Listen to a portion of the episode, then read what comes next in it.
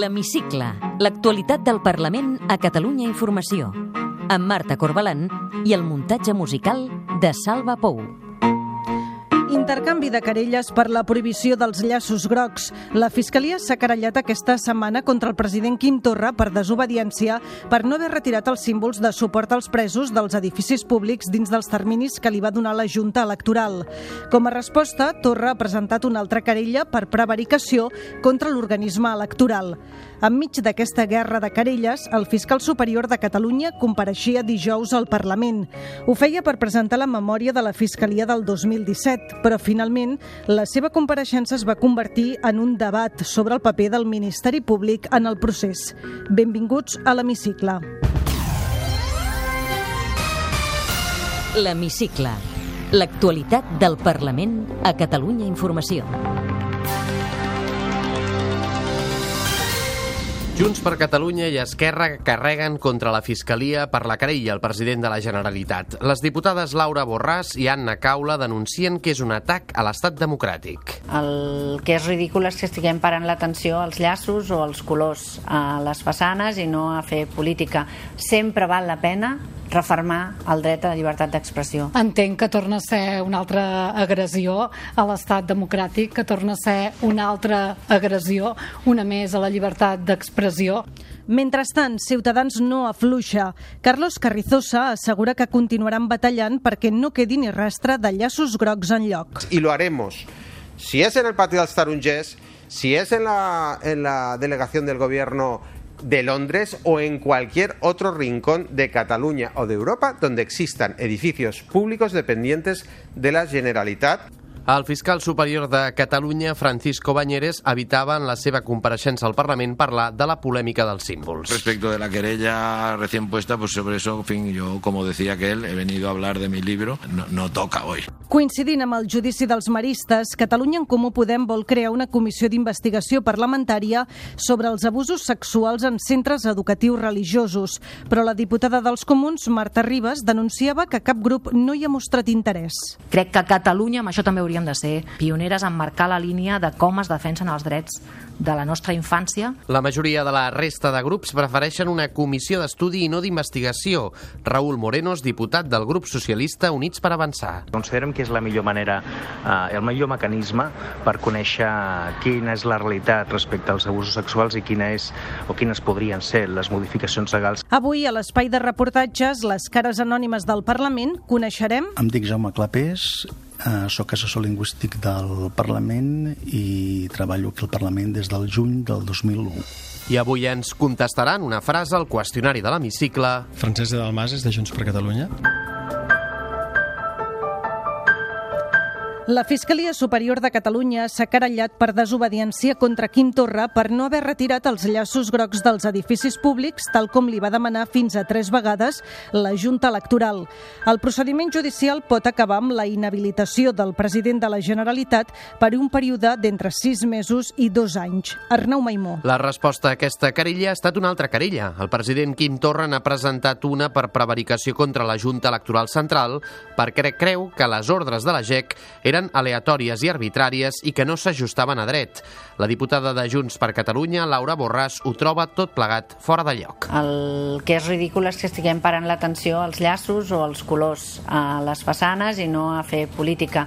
Sempre val la pena refermar el dret a la llibertat d'expressió. Sempre val la pena poder insistir en no normalitzar allò que no és normal. La portaveu parlamentària d'Esquerra, Anna Caula, creu que la querella de la Fiscalia és una via equivocada. Rebutjar el que entenem com un pas més de la judicialització de la política. Entenc que torna a ser una altra agressió a l'estat democràtic, que torna a ser una altra agressió, una més a la llibertat d'expressió i a sobre la taula volem posar de manifest que aquest no és el camí. En canvi, Ciutadans està disposat a plantar batalla perquè no quedi cap llaç groc en edificis públics. Carlos Carrizosa. Y lo haremos.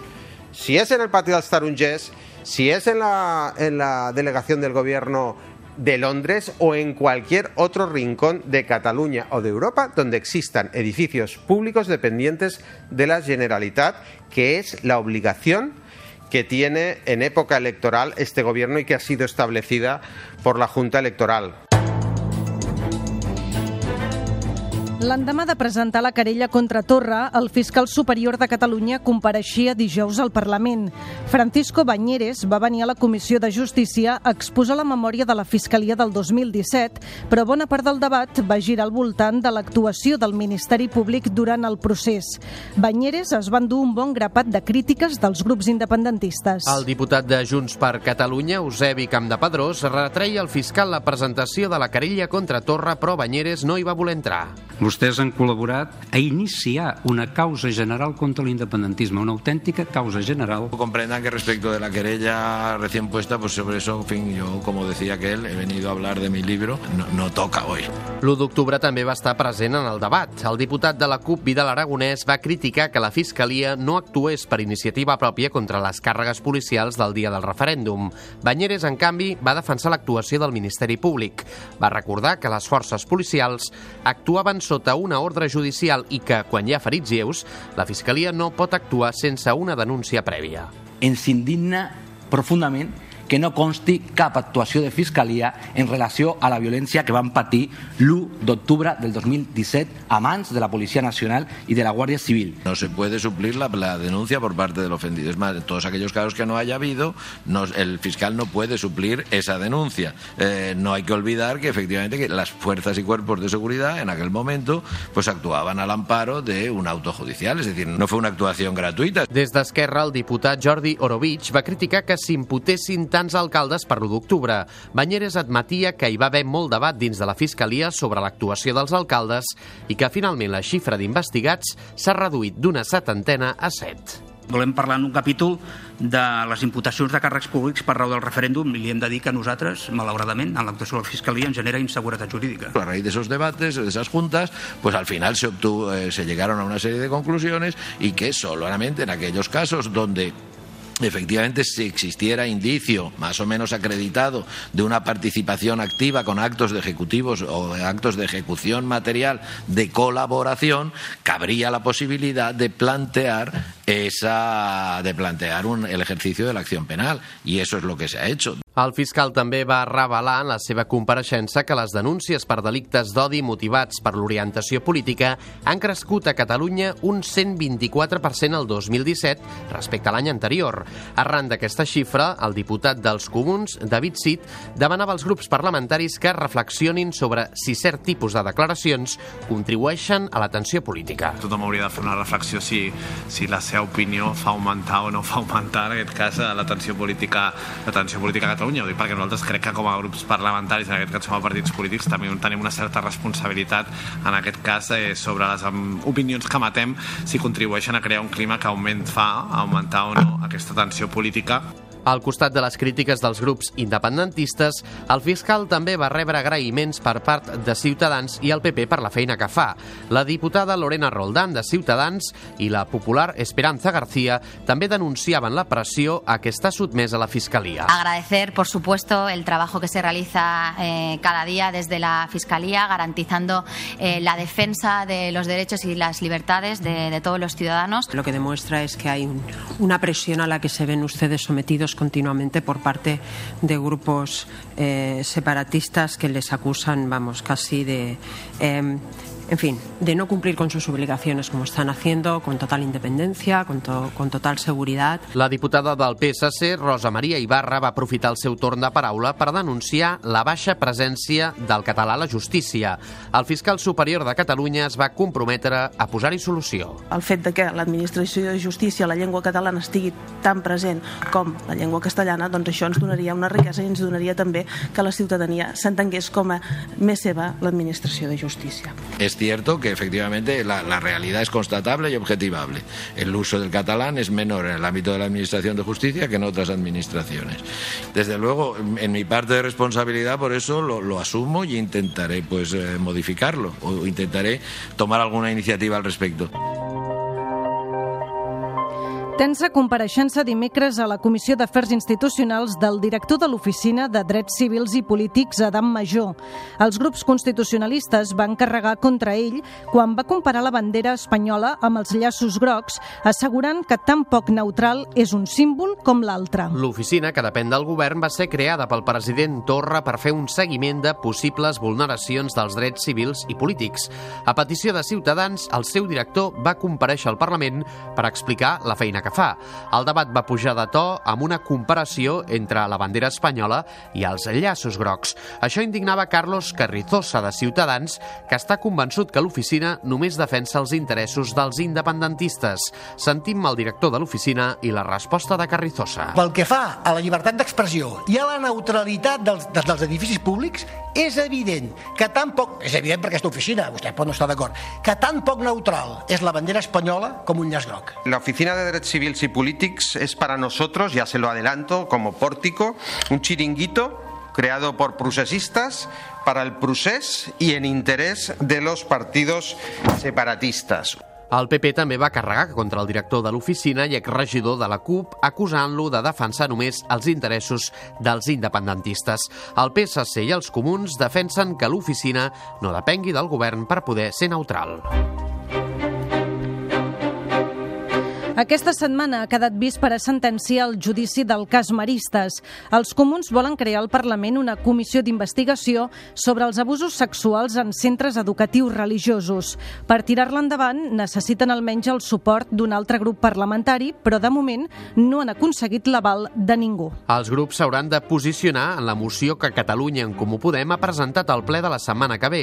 D'entrada, però, la diputada dels comuns, Marta Ribas, denuncia que cap grup no hi té interès. És vergonyant que a tot Espanya no hi hagi una comissió d'investigació d'aquest tipus en cap institució pública, en cap Parlament, ni al Congrés, ni, a, ni en altres parlaments autonòmics. Crec que a Catalunya, amb això també hauríem de ser eh, pioneres en marcar la línia de com es defensen els drets de la nostra infància. La majoria de grups, en canvi, es decanten per una comissió d'estudi. El diputat del PSC, Raúl Moreno, assegurava que és una eina més idònia que la comissió d'investigació i que ho impulsaran d'entrada juntament amb Ciutadans, Junts per Catalunya, Esquerra i el PP. Ja té una força des del punt de vista de la representació del Parlament de Catalunya perquè considerem que és la millor manera, eh, el millor mecanisme per conèixer quina és la realitat respecte als abusos sexuals i quina és o quines podrien ser les modificacions legals que s'hagin de fer en el cas de que després d'estudiar-ho de, i d'escoltar els experts doncs, eh, puguem millorar l'atenció i l'abordatge dels casos d'abusos sexuals a Catalunya. Ciutadans també presentarà una proposició de llei per combatre el maltractament a menors i els abusos sexuals. Al Parlament hi han passat altres coses aquesta setmana que repassem en format més breu. El líder sindical de la UGT, Camil Ros, i el de Comissions Obreres, Javier Pacheco, compareixien dimarts a la Comissió d'Investigació del 155.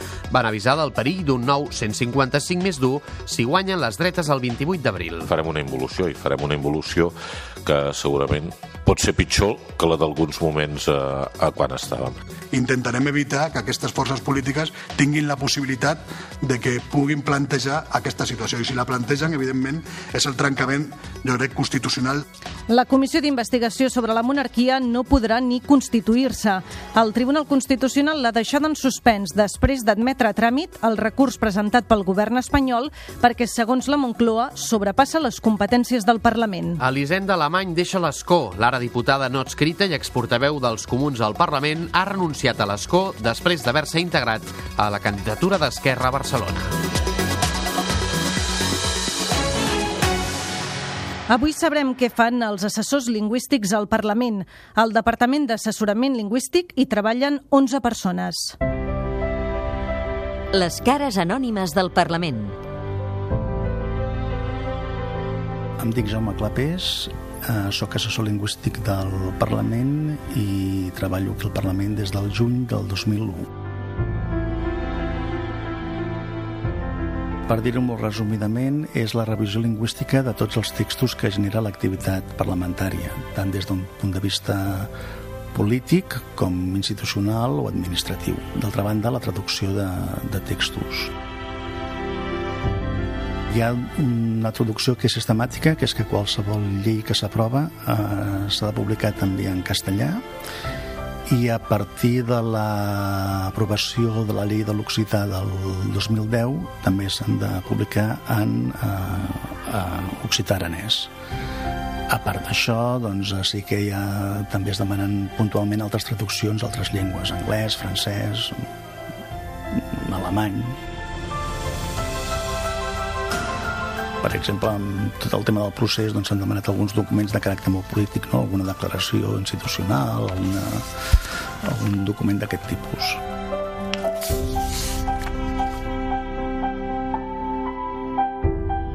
És més adequat mm, parlar de revisió lingüística que no de correcció. Eh? Hem de vetllar perquè, la, perquè el text s'adequi a la normativa, però a més a més hem de vetllar perquè el text s'adequi al, al registre estàndard, és a dir, el registre supradialectal del català, eh, transversal territorialment, eh, perquè s'ajusti també a cada text al nivell de formalitat que li escau. Per exemple, una llei demana un, un llenguatge, un nivell de formalitat que molt alt. En canvi, una nota de premsa, per exemple, doncs demana un nivell de formalitat que no és col·loquial, que és mitjà alt.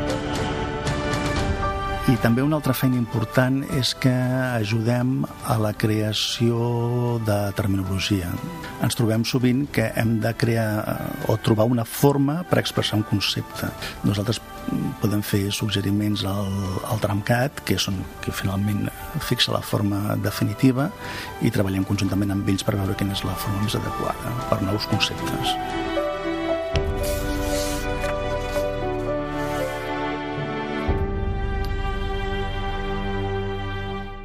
L'hemicicle. Té la paraula. Francesc de Dalmases, de Junts per Catalunya. L'actualitat va tan de pressa que costa fer preguntes que no caduquin de seguida, però ens arrisquem. Sobre el judici al Tribunal Suprem, què li està semblant? Que no és un judici, no és un tribunal, és un judici farsa en el qual tot allò que s'explica, les imatges expliquen que no va ser real i els arguments que ens donen no són arguments, sinó que són invencions. Vostè creu que la sentència està escrita? Jo crec que quan un judici és una farsa, el qui manté aquesta farsa voldrà que es mantengui fins al final. Fa unes hores el socialista Miquel Iceta assegurava al diari Berria que si el 65% dels catalans volien la independència, la democràcia els hauria de trobar un mecanisme per habilitar-la. I hores més tard eh, va rectificar de seguida i després se l'ha rectificat des del mateix Partit Socialista Obrer Espanyol. I com que els fets parlen per ells mateixos, avui hem sabut que la Fiscalia de l'Estat, per tant també controlada des del govern socialista, té idea d'imputar així a tots els votants de l'1 d'octubre. Els socialistes formen part del tripartit del 155 i la veritat és que no ens enganyaran encara que ara estiguin en precampanya i vulguin parlar de percentatges. Però els diré una cosa, s'han plantejat mai que el dia que hi hagi un referèndum el que segur que no hi ha és una majoria de 65% que vulgui mantenir-se a Espanya? Considera un fracàs que l'independentisme no s'hagi pogut presentar de forma conjunta a les properes eleccions. Eh, vostès mateixos eh, estan eh, dividits, si no separats, en Junts per Catalunya, el PDeCAT i la Crida. Si efectivament hi haguessin hagut tres llistes, sí, però jo penso que estat un èxit que hi hagi una sola marca, que sigui Junts per Catalunya, que per tant ens reclamem hereus d'aquest 21 de desembre, que al mateix temps era hereu de l'1 d'octubre, i mantenim obertes les portes, nosaltres ho direm sempre, no gastarem ni un bri d'energia criticant cap llista independentista perquè els volíem al nostre costat. I jo no perdo l'esperança que Europa acabarem anant junts i m'agradaria molt que d'una vegada per totes obríssim tots les orelles i entenguéssim que el que necessita escoltar el món i el que la gent ens vol sentir a Catalunya és que ho volem fer junts. Creu que Puigdemont, si és elegit eurodiputat, realment podrà venir a Espanya a recollir l'acte sense que se'l detingui, fent un exercici de realisme en la situació i en la conjuntura actual? Doncs m'agrada molt com ho preguntes, perquè el que és normal és que qualsevol persona que va amb unes llistes i quedi validada pels electors, que són els únics que haurien d'admetre qui pot anar o no a un Parlament, sigui a Europa o sigui a Catalunya, eh, doncs hi pugui anar. I en canvi, en el nostre cas, tenim una normalitat democràtica i és que un estat, que ho veiem aquí al Parlament cada dia, amb escons buits, i esperem que en el cas del Parlament Europeu doncs, s'imposi la realitat europea i per tant el president Puigdemont pugui actuar amb normalitat com a eurodiputat. Entrem amb preguntes una mica més personals. Digui'm, eh, per què va decidir vostè dedicar-se a la política? No ho vaig decidir. Va ser fruit de, de la repressió i del 155 i alguns, el president Puigdemont ens va proposar que era el moment de, de formar part d'aquesta llista de Junts per Catalunya. Jo personalment havia estat intentant que hi hagués una llista unitària que finalment no va ser possible. I per la gent que no el coneix, bàsicament, quan deixi la política, què farà? Jo tinc dues grans passions, que són el periodisme i que són la política exterior en tota la seva vessant, des de la geopolítica, la geoestratègia, la cooperació al desenvolupament, molt vinculades als drets humans i al pensament polític transformador, i això és el que he fet en molts espais durant tota la meva vida i això és el que penso continuar fent. Vostè utilitza la salut pública? i jo tinc la sort de que sóc poc usuari de, de, de la salut pública. Vaig tenir un accident molt greu quan tenia 24 anys i sort em vaig tenir de la salut pública, de, a la residència de la Vall d'Hebron, que vaig tenir una cobertura magnífica i per sort encara tinc dues cames quan teòricament n'hauria de tenir una i quan tenim qüestions eh, greus crec que la resposta sempre és a la sanitat pública. Vostè té pis de lloguer o de propietat? De lloguer.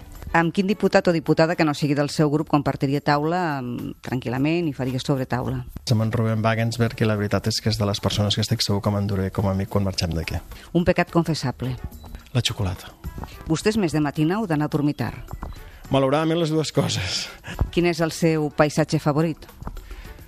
Doncs sense cap mena de dubte, des del refugi del Niu de l'Àliga, la frontera entre el Berguedà i la Cerdanya, veient Montserrat, veient el Pedraforca i a vegades, si tenim sort, fins i tot veient les illes. Quin principal defecte i quina principal virtut es reconeix vostè? Doncs jo diria el mateix, sóc molt tossut, la determinació, això a vegades és molt bo i a vegades és pèssim. Quins hobbies té? La muntanya. Digui'm una música que l'identifiqui. La versió de Venim del Nord, Venim del Sud que li va proposar Borja Penalba a Lluís Llach. Llegeix vostè Sí, sí, penso que els que parlem hem de llegir, si no diem tonteries. Té algun llibre de capçalera que recomanaria a la gent que ens escolti? A mi el llibre que m'ha marcat més és Els tristos tròpics de Levi Strauss. Què li fa por? Em fa por que no siguem capaços de mantenir la il·lusió i aquest somni compartit, que jo penso que estàvem sent una experiència que era una, un exemple arreu del món i em faria molta por que malbaratéssim aquest somni. Creu en l'amor a primera vista? Sí, absolutament. Completi la frase. El que més m'agradaria del món és poder tenir una xerrada amb el meu pare. Gràcies. Vosaltres, moltes gràcies. Podeu tornar a escoltar l'Hemicicle al web catradio.cat barra hemicicle o al podcast del programa i seguir l'actualitat del Parlament al perfil de Twitter arroba L-hemicicle.